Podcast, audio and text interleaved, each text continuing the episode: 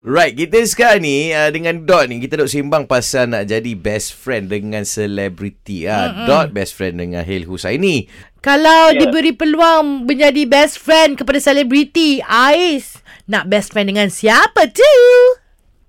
Okey, kalau saya, saya ada grup. Ah, saya nak buat grup. Wah. Grup GTC. Ah, grup gelak tak cover. Grup gelak tak Gelak- cover. Ah, GTC, saya oh. nak dalam grup tu ada Sherry Al-Haddad, ada Ain Idrus, ada Pak Nel dan saya. Empat orang. Wah, gelak tak cover ya. Semua meriah gelak-gelaknya. Oh. Ah, Pandai. tu macam, Pandai awak, awak buat combo ya. Dia satu satu saya minat tiga-tiga tu antara bidang yang saya minat pengacaraan. So bila kumpul semua gelak kat tak cover macam wah lepaskan semua kau-kau so wah, memang Memang hilang pecah semua lah. Ah, gelak pecah. Hmm. Tapi kalau Yelah Jadi Jadi selebriti yang Kategori dia host rancangan kan Kalau gelak cover tak jadi kan Dia kena tak cover Betul?